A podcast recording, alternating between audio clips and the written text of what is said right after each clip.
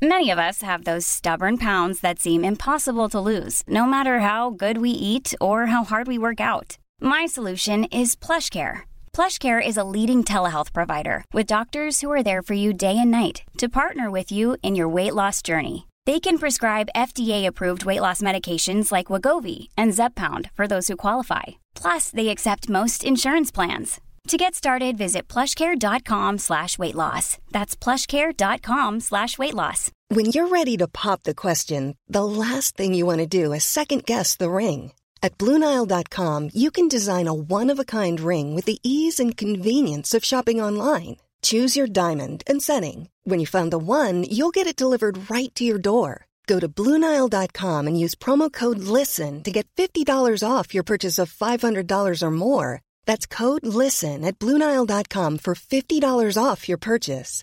Bluenile.com code LISTEN.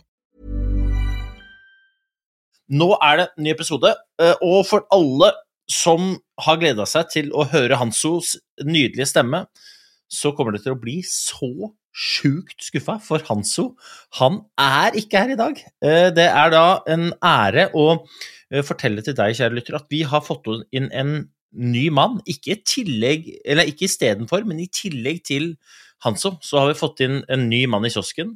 Han heter Andreas, er uh, en nydelig mann med bart uh, for øyeblikket.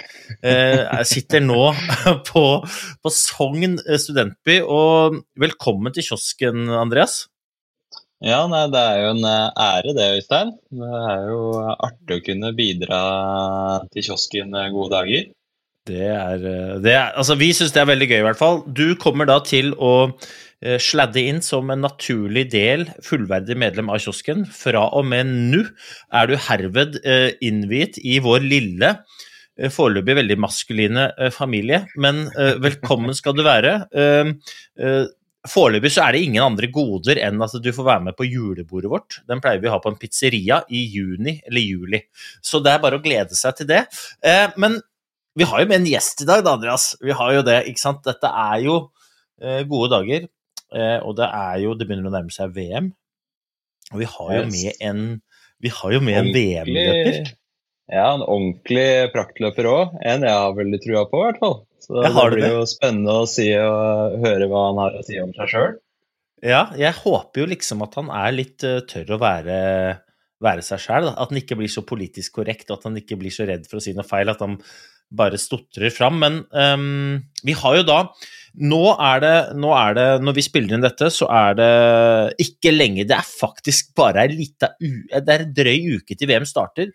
Hele det norske laget de ligger på Skeikampen, og der har vi æren av å ha snappa til oss noen minutter av godeste Harald Østberg Amundsen. Velkommen skal du være i podden, godeste Harald. Takk for det.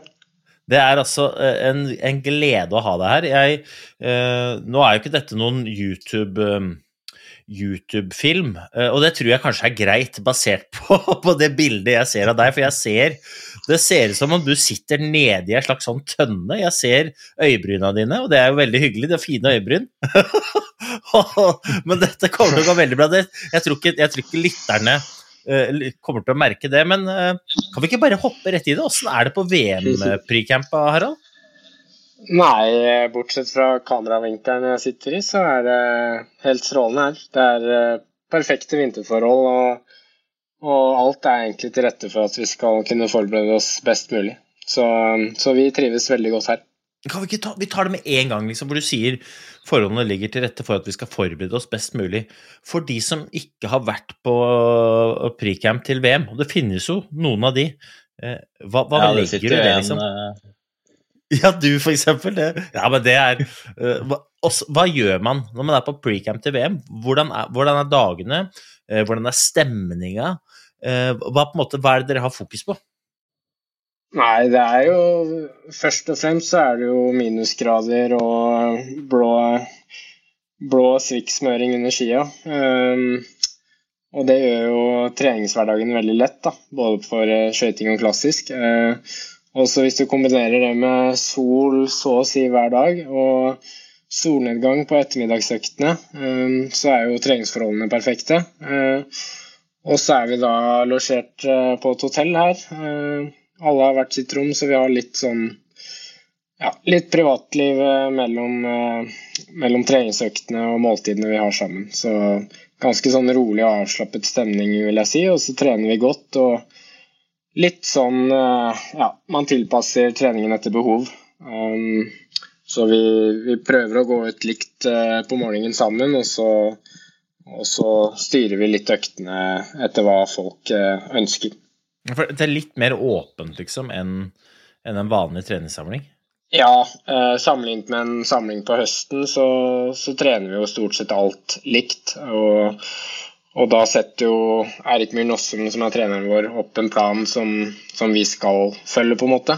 Nå er det litt mer Eh, dersom jeg er veldig sliten, så kan jeg droppe en andre økt og, og heller se på serie og spise litt sjokolade. Eh, så det, de, til, de, tilpasningene gjør litt uh, hver enkelt utøver nå etter, etter hva man føler. Er det da, er det da sånn at uh, det er, det, VM nærmer seg med stormskritt. Det er ikke noe vits å uh, skyve den elefanten Eller ikke snakke om den elefanten. Og så er det jo òg det at alle ønsker å være i toppform. Hvor, hvor mange ganger i løpet av en dag liksom går man og kjenner på om man føler seg bra, eller klarer man å skyve det der vekk? Ja, det er et godt spørsmål. For min del så har jeg gått veldig mye skirenn de siste ukene, uh, så her så prøver jeg å og så hadde jeg jo litt rolig periode hjemme før jeg reiste på pre-camp, men så her prøver jeg å legge ned en god del trening. Um, og når jeg skal legge ned mengdetrening, da prøver jeg ikke, ikke kjenne for mye etterpå om jeg er, føler meg sliten eller hva det er. Ehm, da prøver jeg å trene meg litt ned i senk, og så, og så skal jeg ta det litt roligere neste uke. Ehm, men det er jo den fasen når du begynner å prøve å hente overskudd fram mot rennet, da, da er man selvsagt litt spent på om det overskuddet kommer, da, om du kjenner at du begynner å bruse litt mer dag for dag. Um, så det håper jeg at neste uke så kjenner jeg litt på den at nå, nå, nå er det mye overskudd i beina. Ja, er det sånn at hvis dere kjører noen hardøkter og den går dårlig, så tenker du ja, det det er bra? Eller, du, eller vil du helst at hardøktene skal fly? Eller vil du helst at det skal gå um, medium eller dårlig? Du kan velge. Ja, en medium er en god, eh, en god, ting, egentlig. For da når jeg trener mye mengde som nå, så, så er det litt sånn oppsiktsvekkende hvis jeg plutselig får en superhard økt. Um, og så i en mengdeperiode så prøver jeg også å, å gå relativt kontrollert da, på øktene. Um, så en medium følelse for min del er egentlig helt topp, det, i en treningsperiode. Og så håper jeg jo at uh, de to-tre siste intervalløktene når det nærmer seg eh, VM eh, og de distansene jeg skal gå, så håper jeg at det, det spruter litt mer i, i beina. Så, så, akkurat nå så er det fint for min del å føle meg litt sånn litt sliten og tung av trening. Det er ganske Det er ganske Det, det, det, det, det tyder på selvtillit, da, Andreas. Jeg vet ikke du, du har jo sykla Andreas, for de som ikke kjenner Andreas, så er jo Andreas var jo en meget lovende syklist. Åssen likte du at hardøktene gikk før konkurranser? Gjerne viktige? Nei, det er jo litt sånn en form for bekreftelse da, på hvor, hvor skapet står. Og så tenker jeg jo det at vi hadde jo veldig mye mer sånn talldata i form av wattverdier, som sikkert Harald har hørt mye om. Han har lagkamerat med Taugbøl bl.a., som sykler mye. Og jeg tror jeg også har lovt bort en eller annen sykkeltur til gutten der. så så, men eh, jeg tror eh, når du begynner å kjenne at du flyr oppover bakken her, i dobbeltdansen der, da, da, er det vel bare å ta seg, seg skia og så sette seg på flyet til Valencia. Ja, men det jo, hvis det er en uke for tidlig, så er det kjempekjipt. altså, vi må jo være ærlige og si at Planisa det er, så, det er veldig fint i Planisa, men det er, ikke, det er ikke så fint at du stikker deg en uke for tidlig bare for at du, du flyr oppover Per Gynt-veien på Skeikampen, liksom.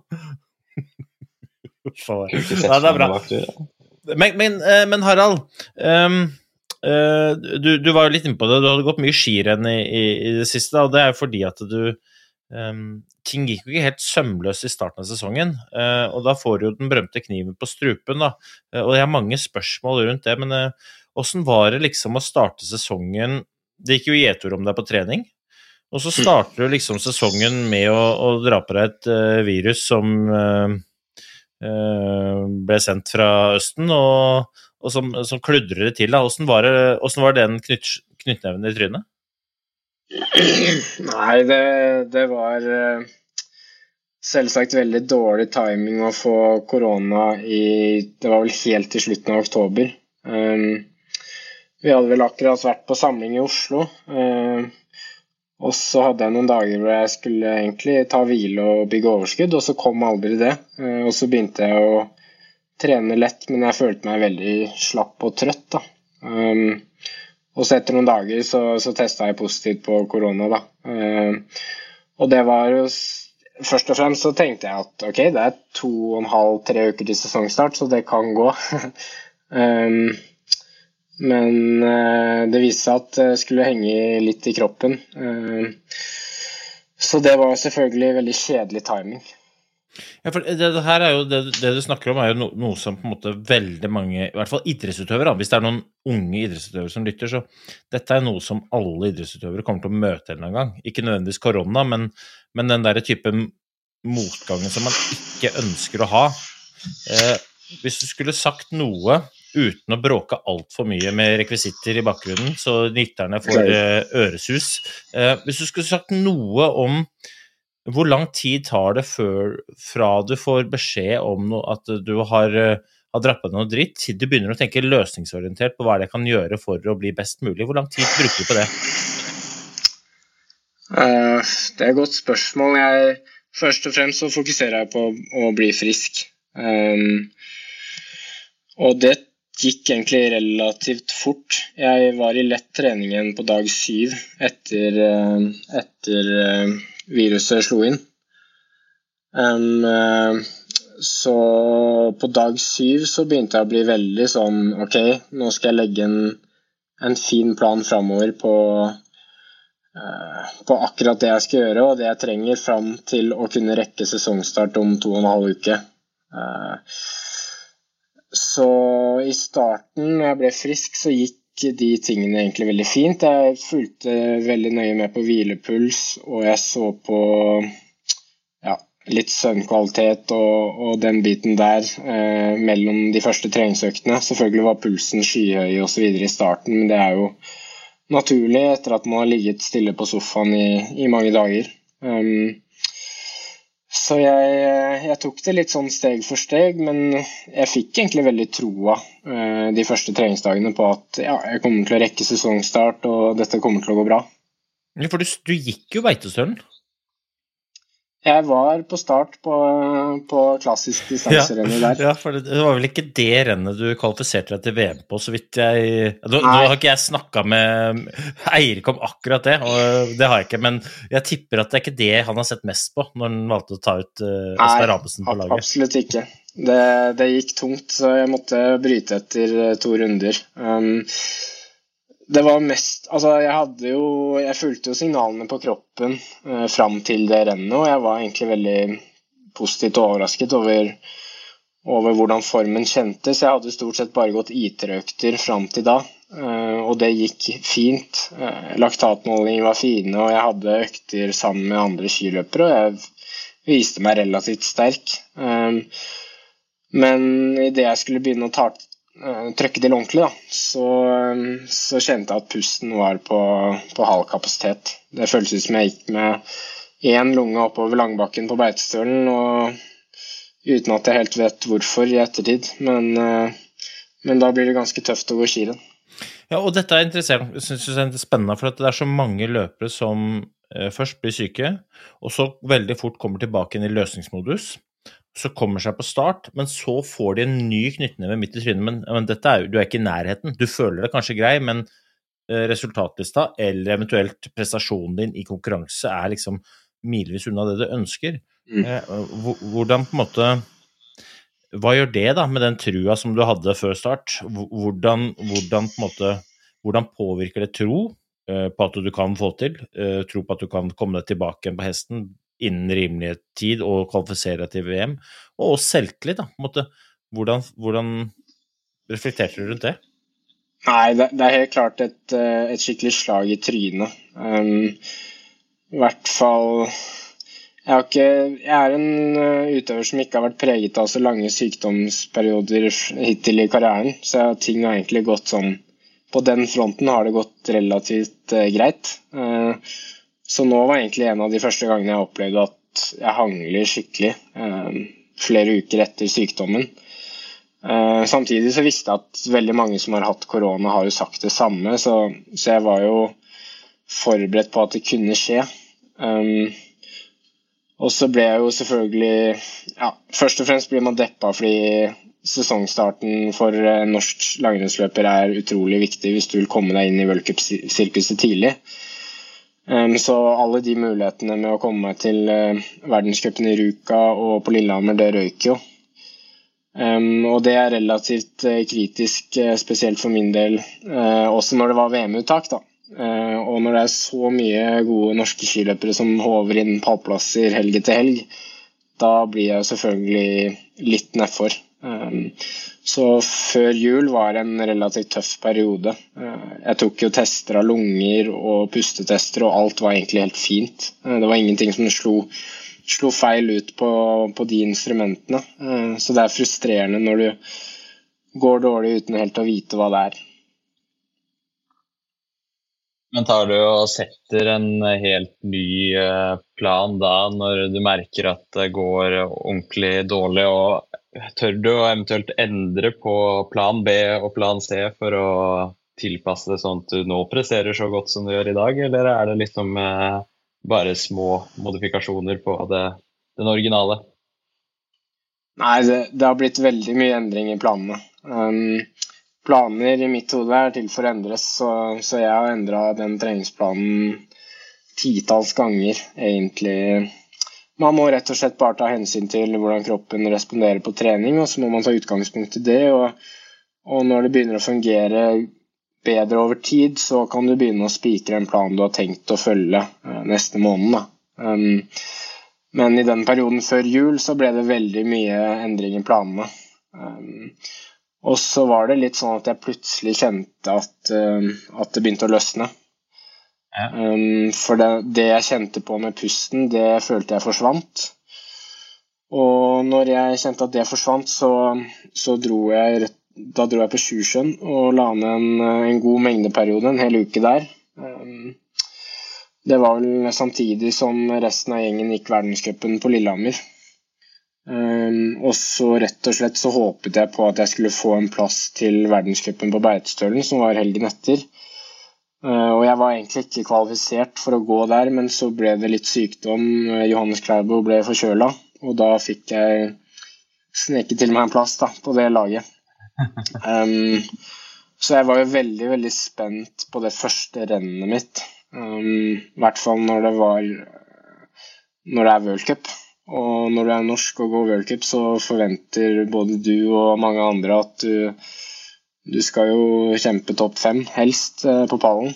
Um, men der ble jeg nummer elleve, og det var egentlig litt sånn OK. Uh, det er ikke noe sånn superduper resultat, men for min del, etter uh, litt motgang, så, så, var det en ganske stor lettelse på at det jeg har kjent på trening, det, det begynner å nærme seg det nivået jeg ønsker å være på skirenn. Um, så ukene fram til det rennet så var jeg ganske spent på, på, hvor lang tid Altså jeg visste ikke om det ville ta to måneder eller om det ville ta fem dager. For jeg har jo hørt veldig mye historier med idrettsutøvere som har slitt lenge. Eh, enten etter vaksiner eller koronasykdom eller annen type sykdom. Da. Eh, det skumleste er kanskje at om man begynner å trene for hardt for tidlig. Det, det tror jeg alle idrettsutøvere er litt redde for.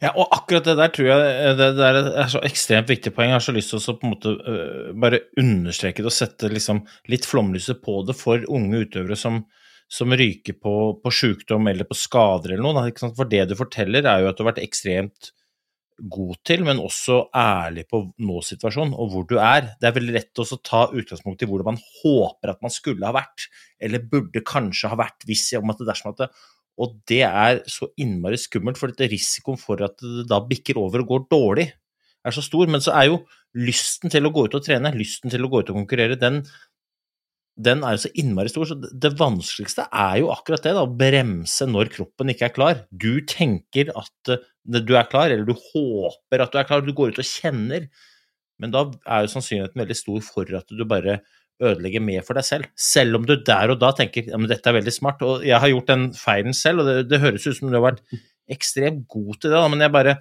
Til dere unge der ute, eller også eldre utøvere, altså, men også Vær ærlig på dette, og dette tror jeg dette gjelder mosjonister også. Jeg tror det òg gjelder for vanlige folk som ikke nødvendigvis driver med idrett, men som driver med arbeid. Altså hvis du er sliten, så er du sliten. Hvis du er sjuk, så er du sjuk. Ta, ta, hensyn til det. Hvis ikke så blir du sannsynligvis ikke noe friskere av å ikke gjøre det, selv om du håper at det går over.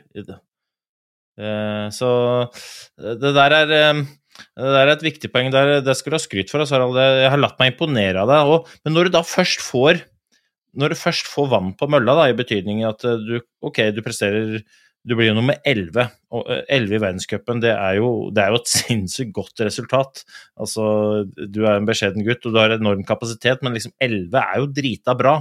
Eh, I hvert fall når det er ditt første skirenn. Men så, da begynner, da begynner du liksom å tenke om dette kan det gå, men så har du jo registrert at det, uh, alle lagkameratene dine er foran nummer 11 i hvert eneste renn i går. da. Nå var det jo ikke så lenge siden Sju Røthe var helt nede på niendeplass her i Toblak. ikke sant? Det var jo nesten så vi måtte uh, klippe passet og sende den til et annet land, for at det helt nede på niendeplass er jo hårreisende. Uh, men så vet du at det, måte veien din inn i VM er jo å begynne å prestere i, i Scancup og NM, da. Eh, og, og, da må du korrigere meg da hvis det er feil, men men du må ha kjent litt på at faderen, det, der blir, det der blir viktig å gå fort. Hvordan angriper du det? Ja, det, det, er helt klart. Eh, det var jo på en måte en stor motivasjon eh, i seg selv, det at nå skal jeg slå tilbake etter en litt eh, trøblete start. Men samtidig så som norsk skiløper så tar det ganske lang tid å slå seg inn igjen i verdenscupsirkuset. Du må innom skandinavisk cup eller norgescup for å vise at du er god nok til å egentlig Ja, du burde helst knuse de andre utøverne på de typer rennene for å så eh, bevise at du er i god nok form for å kunne gå verdenscup for Norge. Så jeg la jo en plan um, Jeg fikk trent godt gjennom julen, og så var det skandinavisk cup i Falun uh, det første. Og så, ja Uken etter der så skulle det være NM, og uken etter det igjen så skulle det være verdenscup i Leros. Og etter verdenscupen i Leros så skulle VM-uttaket komme. Så jeg hadde liksom tre uker på rad der hvor jeg visste at ok, disse ukene så blir det mange skirenn, og jeg må prestere på mitt aller råeste. Um, så gjennom jula så, så, brukte jeg mye tid på å liksom mentalt forberede meg på at de tre ukene, der skal jeg være helt rå. Eh, da skal jeg på ikke la meg vippe av pinnen etter ett godt resultat. Da skal jeg heller prøve å være rå på restitusjon mellom slagene, fordi jeg vet at å vinne et renn i skandinavisk cup, det gir meg jo på en måte ikke uh, en VM-plass. Uh, men å gå fort over tid, det kan gjøre det. Så, så, den måten jeg angrep den perioden på, var at jeg forberedte meg veldig mentalt på at nå skal jeg holde på i tre uker og gå forbanna fort hvis det er lov å si.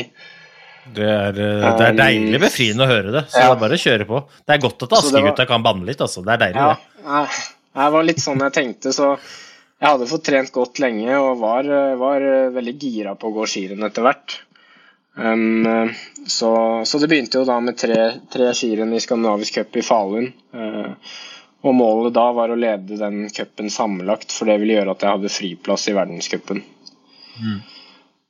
Men det var jo um, godt uh, Hva tenker du liksom når du er ferdig med de tre ukene nå, da? For jeg, jeg har jo sett resultatet etter uh, den mentale pushen der.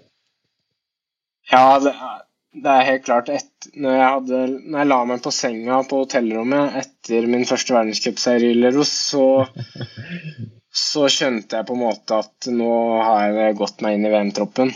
Og det var Jeg ble veldig lett slutta. Um, ikke fordi andre legger press på meg, men fordi jeg har jo høye forventninger til meg selv, og jeg har jo satt meg mål uh, som jeg jobber hardt for å oppnå denne sesongen her. Um, så det er jo Man er kanskje mest av alt redd for den skuffelsen av å ikke eh, nå de målene man har satt seg. Og det målet mitt var jo å kvalifisere meg til eh, først og fremst 15 km skøyting i VM. Eh, så hadde jeg også andre mål om å kunne kjempe om å, om å kvalifisere meg til flere av distansene. Eh, nå ble det litt amputert i og med at jeg fikk litt få renn eh, å gjøre det på.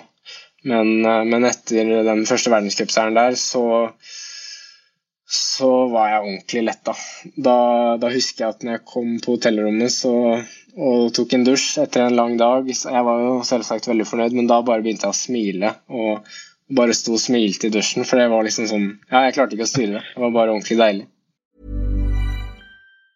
Jewelry isn't a gift you give just once. It's a way to remind your loved one of a beautiful moment every time they see it. Blue Nile can help you find the gift that says how you feel and says it beautifully with expert guidance and a wide assortment of jewelry of the highest quality at the best price. Go to BlueNile.com and experience the convenience of shopping Blue Nile, the original online jeweler since 1999. That's BlueNile.com to find the perfect jewelry gift for any occasion. BlueNile.com. Quality sleep is essential. That's why the Sleep Number Smart Bed is designed for your ever evolving sleep needs. Need a bed that's firmer or softer on either side? Helps you sleep at a comfortable temperature? Sleep Number Smart Beds let you individualize your comfort so you sleep better together. JD Power ranks Sleep Number number 1 in customer satisfaction with mattresses purchased in-store. And now, save 50% on the Sleep Number limited edition Smart Bed for a limited time. For JD Power 2023 award information, visit jdpower.com/awards. Only at a Sleep Number store or sleepnumber.com. Det der er deilig. Jeg skulle til å spørre hvor god er du til liksom eh, underveis i den prosessen her stoppe opp og klapper deg på skuldra? For at du, eh, du gjør jo noe helt tullete bra renn i den perioden. Altså, du, du leder Scancup, uh, vinner Scancup, uh, du vinner NM, og du vinner i, i, i Frankrike. Eh, og, og, så er det veldig lett at man tenker at ok, nå må vi være så på ballen for å prestere neste gang. Man glemmer liksom den derre Akkurat den beskrivelsen som stopper opp og så smiler litt, liksom. Bare sånn huh, faen, nå er jeg on fire. Men uh, for, fortell, da. Åssen er det, liksom? Åssen var det å stå der og bare Faen, jeg, jeg tror jeg klarte det. Ja, nei, det er jo Ja, det var helt rått, egentlig. Jeg, var, jeg har hørt mange idrettsutøvere fortelle om at uh, i ettertid, da, um, etter lange karrierer, at de skulle ønske at de nøyt mange av øyeblikkene litt mer. Uh, så det har jeg egentlig tenkt på ganske mye. At hvis jeg klarer de og de delmålene, f.eks., så, så må det være lov til å juble litt og, og klappe seg selv på skulderen. Så jeg prøver eh, som best jeg kan å nyte de øyeblikkene. Um, og en uke før så, så tok jeg jo NM-gull på Gjøvik, og det var jo mitt første NM-gull, og, og, veldig stort. Men men der og da så hang liksom den verdenscuphelgen i Leros over meg, så da klarte jeg ikke helt å nyte det. Um, så det NM-gullet nyter jeg kanskje mer nå enn der og da, når det skjedde, for jeg hadde liksom fokus på at det kommer flere viktige renn, og, og det er ikke NM som kvalifiserer meg til, til, VM automatisk, jeg må gå fort neste helg. Um, så det kommer litt an på hvilken periode man er i, men, men i Leros der så visste jeg at uh, VM-uttaket kommer neste uke, og med det rennet jeg gjorde i dag, så ja, så kan jeg rett og slett senke skuldrene. Og da hadde jeg vært veldig på hugget mentalt over mange uker. Og, og, det blir man litt sliten av, selvsagt, men da var det en sånn ja, ganske sånn brusende og god følelse i kroppen. Da. Så det, var, det nøyt jeg. Eh, I, i, i Ros starta du ganske tidlig, um, og så når du hadde gått én runde så kom jo Da starta jo Pål Golberg. Pål Golberg har hatt en helt decent sesong. Jeg tror han har vært nede på en 7.-8.-plass der. Eh, ellers har han vært bedre enn det. Eh, så har jo, det har jo gått helt greit. Han hadde rødt startnummer som leder av distansecupen. Han starta akkurat liksom tre sekunder før du runda på én runde, eh, og så prøvde du å henge deg på han. Eh, hvilke tanker tenkte du da, liksom? Når liksom Ok, ja, men for du ser jo du, du, skjønner jo at dette er en gullrygg å ha, men så kjenner jeg at jeg kan ikke ta den. Var det en sånn vurdering du tok på at jeg kan ikke gå, gå etter den, eller klarte du bare ikke? Ja, altså jeg var forberedt på, at, på det scenarioet, for jeg visste jo at Paul begynte Jeg tror det var rundt syv minutter etter meg. Syv og et halvt, kanskje. Um, og vi går jo litt sånn drag i dagene før rennet renn starter, så vi får et forhold til hvor lang tid man bruker på løypa. Um, så jeg visste at det kunne skje. Uh, og idet jeg hadde gått en runde og passerte stadion, så så jeg Paul gikk ut av startblokka. Uh, og da tenkte jeg OK, jeg, jeg gir et forsøk liksom ut uh, de første flatene. men det er relativt stor forskjell på den startfarten man har første minuttet, sammenlignet med når man er på minutt 8-9 ute i et renn.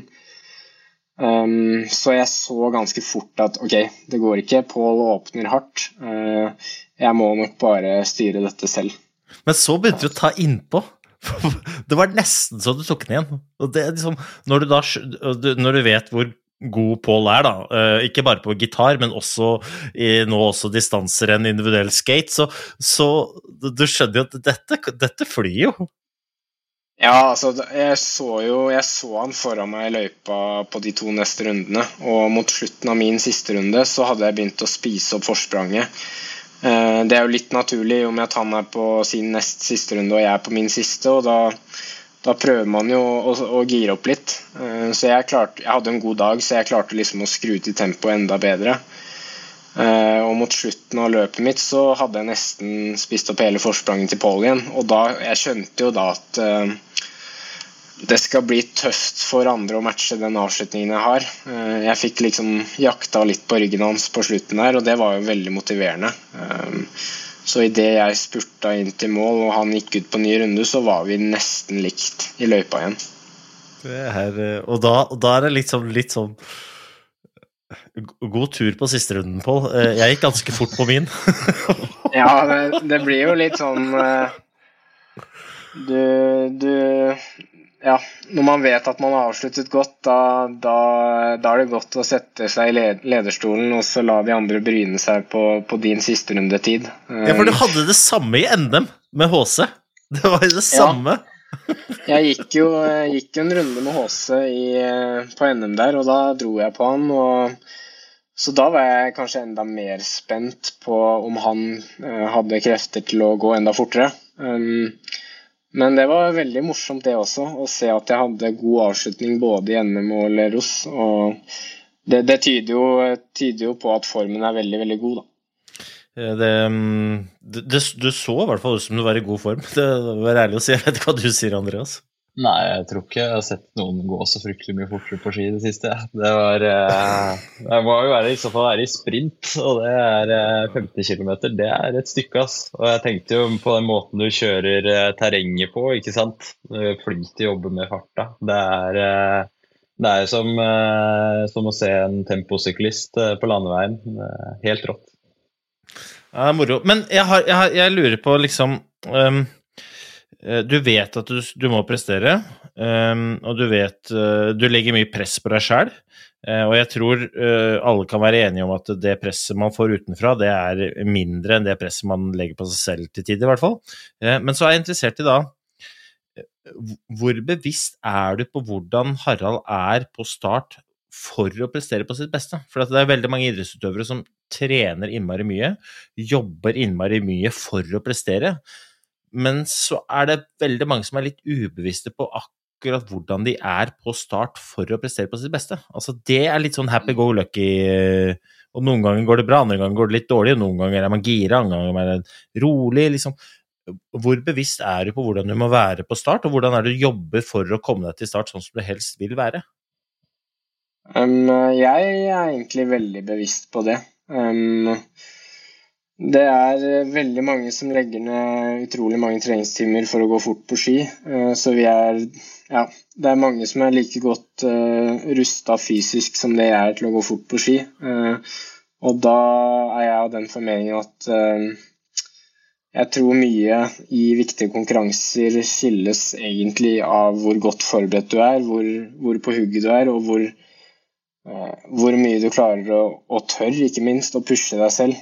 Um, og jeg har jo samarbeidet med mentaltrener i flere år og, og, ser egentlig viktigheten av det.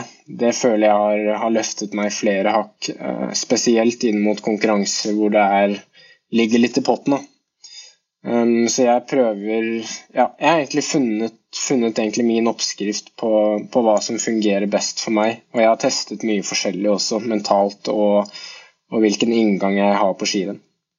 Ja, og Du jobber med Bertrand Larsen, gjør du ikke? Med Eirik? Mm, ja. Så det her, det her, det her syns jeg er altså så spennende, for det er eh, det er, det er, som du sier, det er utrolig mange som er ganske likt fysisk rusta for oss å, å, gå fort, men så har vi denne berømte styggen på ryggen, eller kanskje det er en sånn eh, ikke styggen på ryggen heller, men en sånn gærning som måte, bare står og skriker i deg, som, som, gjør at man underpresterer fordi man av en eller annen merkelig grunn spiller seg selv litt dårligere. Og det å bli bevisst på hvordan er det man skal komme seg til start eh, best mulig rusta for å faktisk få ut det man er god for, det er en sånn eh, det, det, det er et paradoks som jeg, jeg syns det er veldig rart at vi trener liksom 1000 timer i året, men vi trener ingenting omtrent på akkurat det. Kan du fortelle hvordan er det du jobber for å få fram det? Altså, hva er det du konkret gjør for å finne ut hvordan Harald er på sitt beste? Nei, er, altså jeg er helt enig i det du sier. Det Er, jeg tror veldig mange idrettsutøvere kunne hatt godt av å teste litt forskjellige innganger og tørre å, tørre å tenke litt, egentlig. Tørre å, å, å, legge en plan, og den skal man følge. Tørre å, å utfordre seg litt eh, på de forberedelsene. Eh, det er veldig lett å på en måte Ja, man trener, og så ser man på serie, og så slapp man å, å tulle litt med lagkamerater, og så plutselig kommer rennet, og så ja, hadde man litt glemt å legge en god rennplan. Eh, så jeg prøver å være veldig bevisst på det. Um, og det samarbeidet jeg har hatt med Bertrand, så har vi testet uh, mye forskjellig. Jeg har prøvd å være veldig aggressiv og gira på start. Og, og, og prøvd å kjenne på om det er noe jeg presterer godt under. Jeg har prøvd å være avslappa. Eh, prøvd å være i godt humør, veldig laidback på start. Eh, og så har jeg også testet litt forskjellig underveis. Eh, at f.eks. Ja, jeg har prøvd å smile til meg selv i en del av nedoverbakkene underveis i skirenn. For å Det har egentlig bare vært noe jeg har testet for å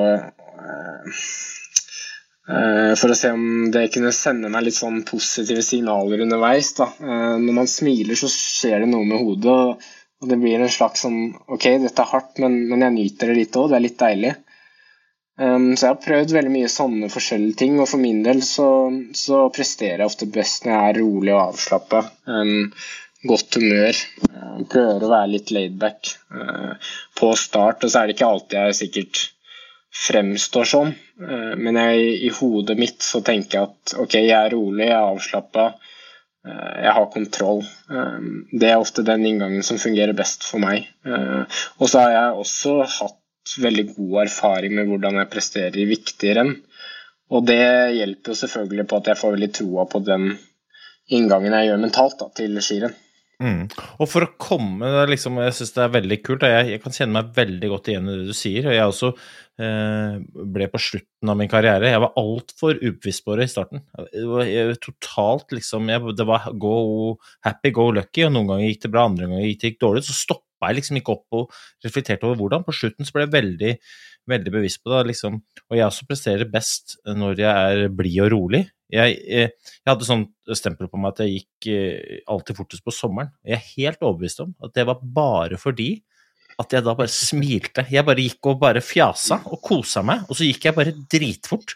Og så kom jeg til vinteren, og så gjorde jeg det mye viktigere enn jeg var, enn det var, og så bare gikk det Jeg ble bare sliten av mitt eget uh, alvor, da.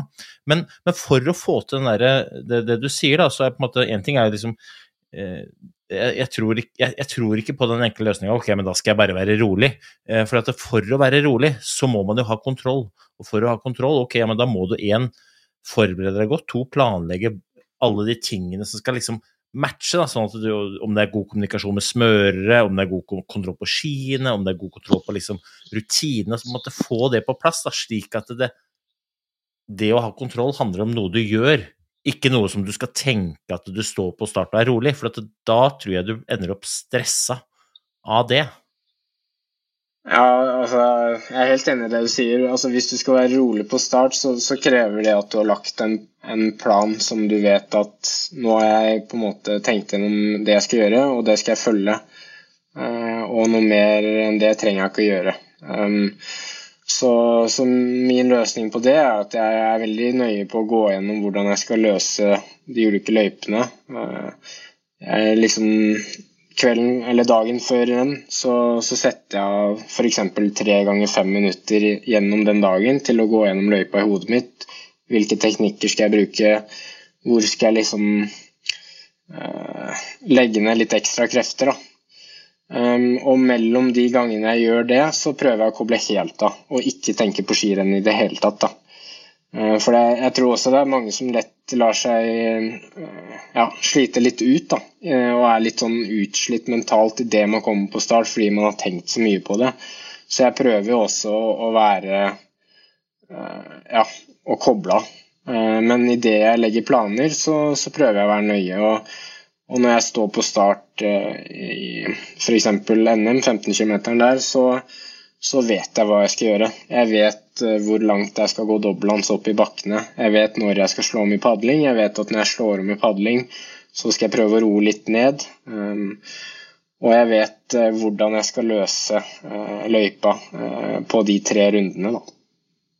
Det er altså så det er så deilig å høre. Det her har jeg lyst til å spørre deg om, Andreas. For at, i, i langrenn så er det litt sånn Det er noen dette er kanskje uh, spesielt synlig i fellesstart, men det, jeg, jeg, mener det er like reelt i individuell start. For det er veldig mange som uh, går til start, og så sier de 'jeg skal se hva som skjer'. Jeg skal bare henge på. Jeg bare reagerer på hvordan mm. løpet blir.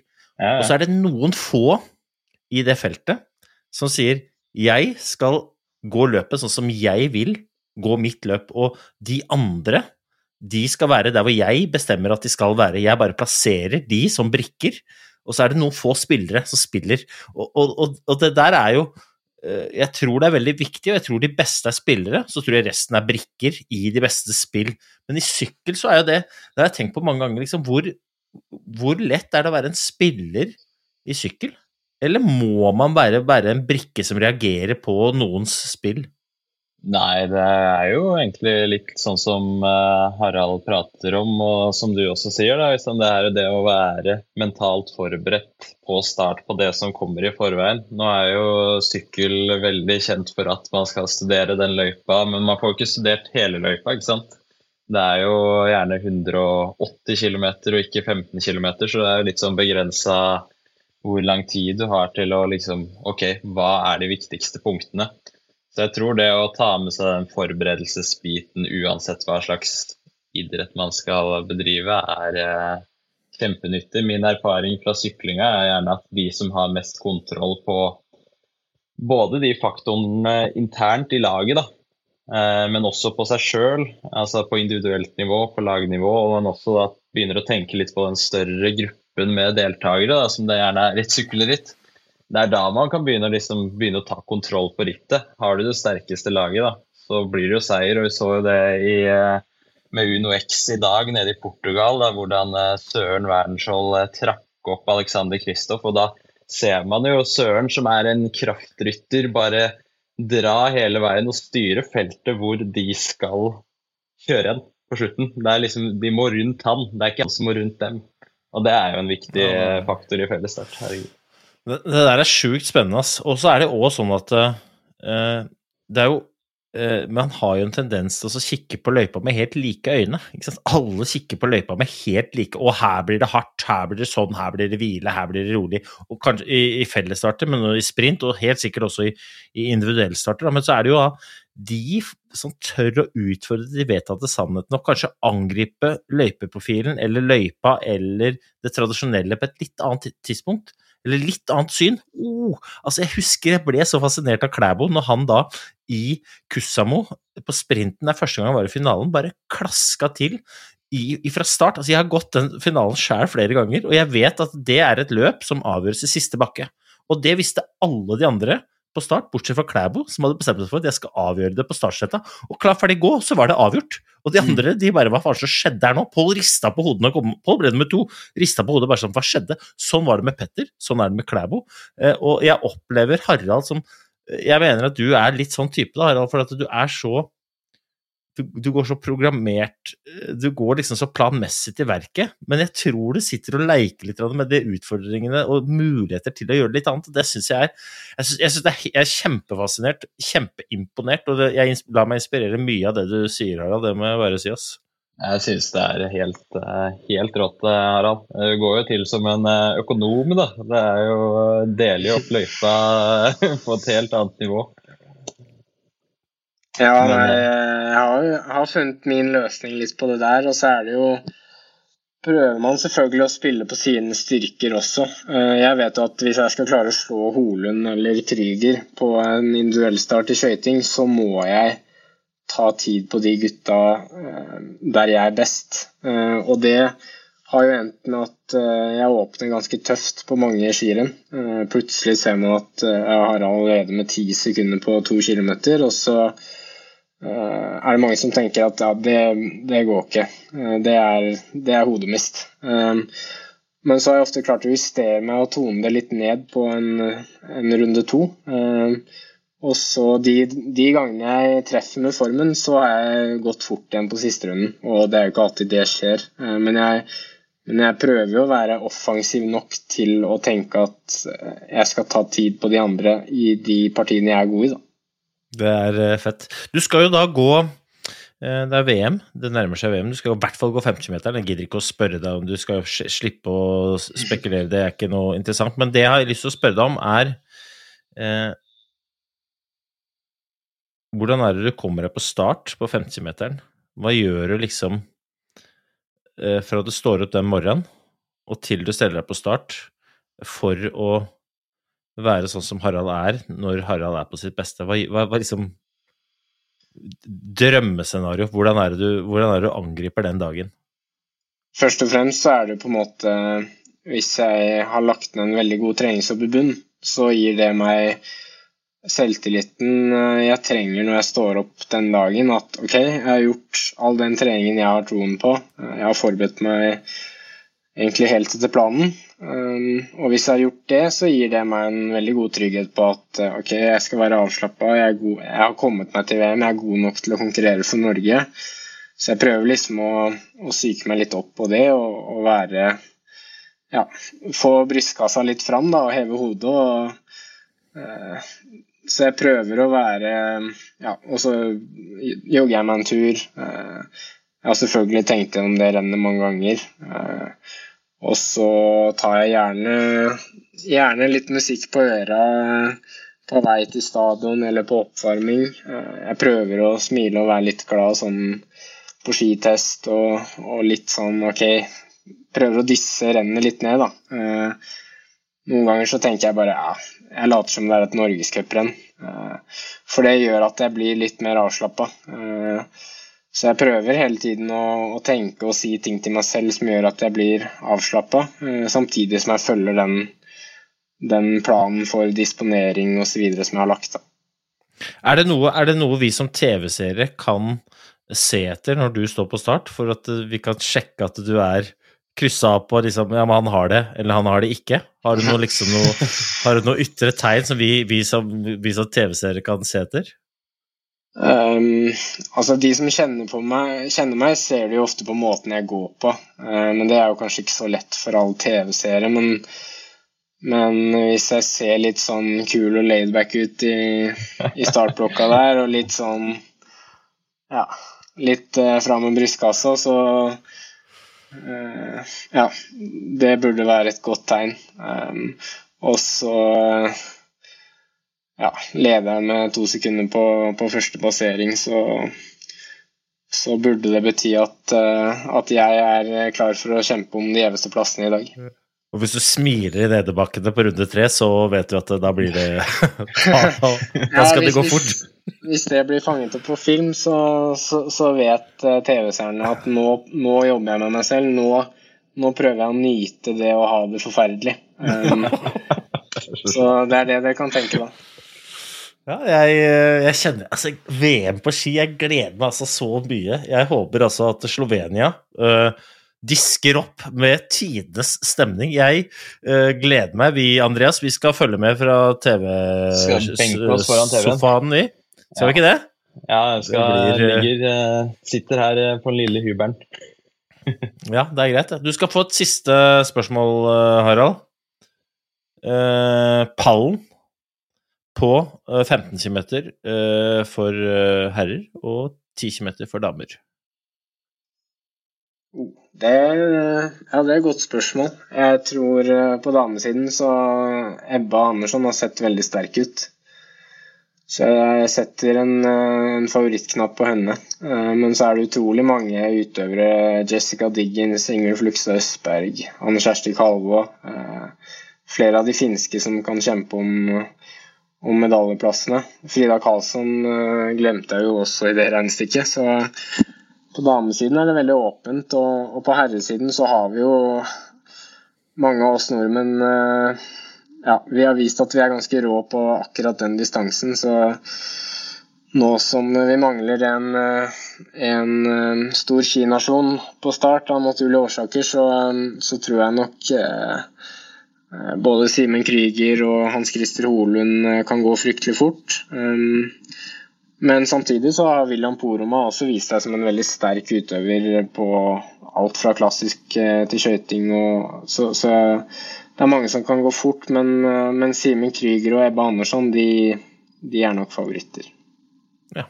ja vi har jo han Jeg husker, husker ikke hva han heter, han derre å, nå står det helt stille for meg, Andreas. Det var jo, ja, vi har jo sånn uh, debutant. Han, han, var syk i starten av sesongen, men så har han jo gått veldig fort. Uh, han vant jo Frankrike. Jeg husker ikke hva han heter, men uh, sånn er det. Vi får bare, jeg, får bare, jeg får google det. Jeg husker ikke hva han heter, men jeg, jeg holder jo en knapp på han, jeg, da. Men, men, nå husker jeg ikke hva han heter, så da jeg, jeg, skal ringe dere, gutter, når jeg, jeg finner ut. Uh, Harald, det har vært en ære at du gadd å bruke tiden din på å prate med oss. Uh, jeg ønsker deg lykke til Eh, kos deg.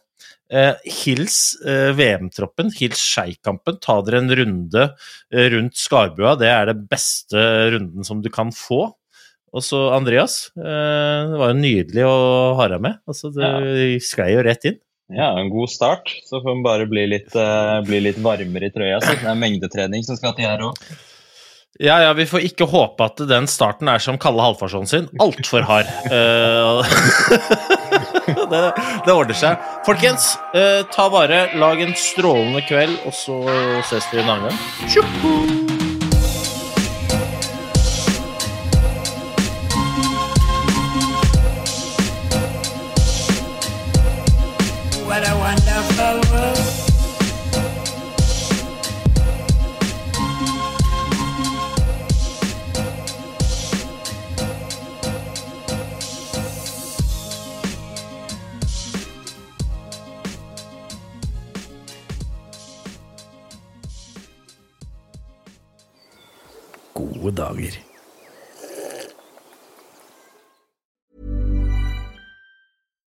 We're on a budget, we still deserve nice things.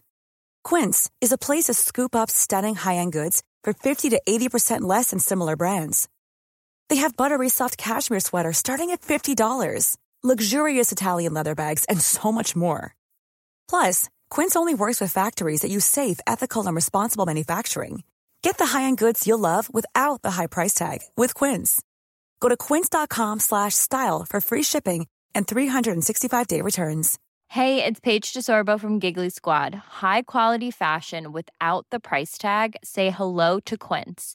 I'm snagging high-end essentials like cozy cashmere sweaters, sleek leather jackets, fine jewelry, and so much more. With Quince being 50 to 80% less than similar brands and they partner with factories that prioritize safe ethical and responsible manufacturing i love that luxury quality within reach. Go to quince.com slash style to get free shipping and 365 day returns on your next order. quince.com slash style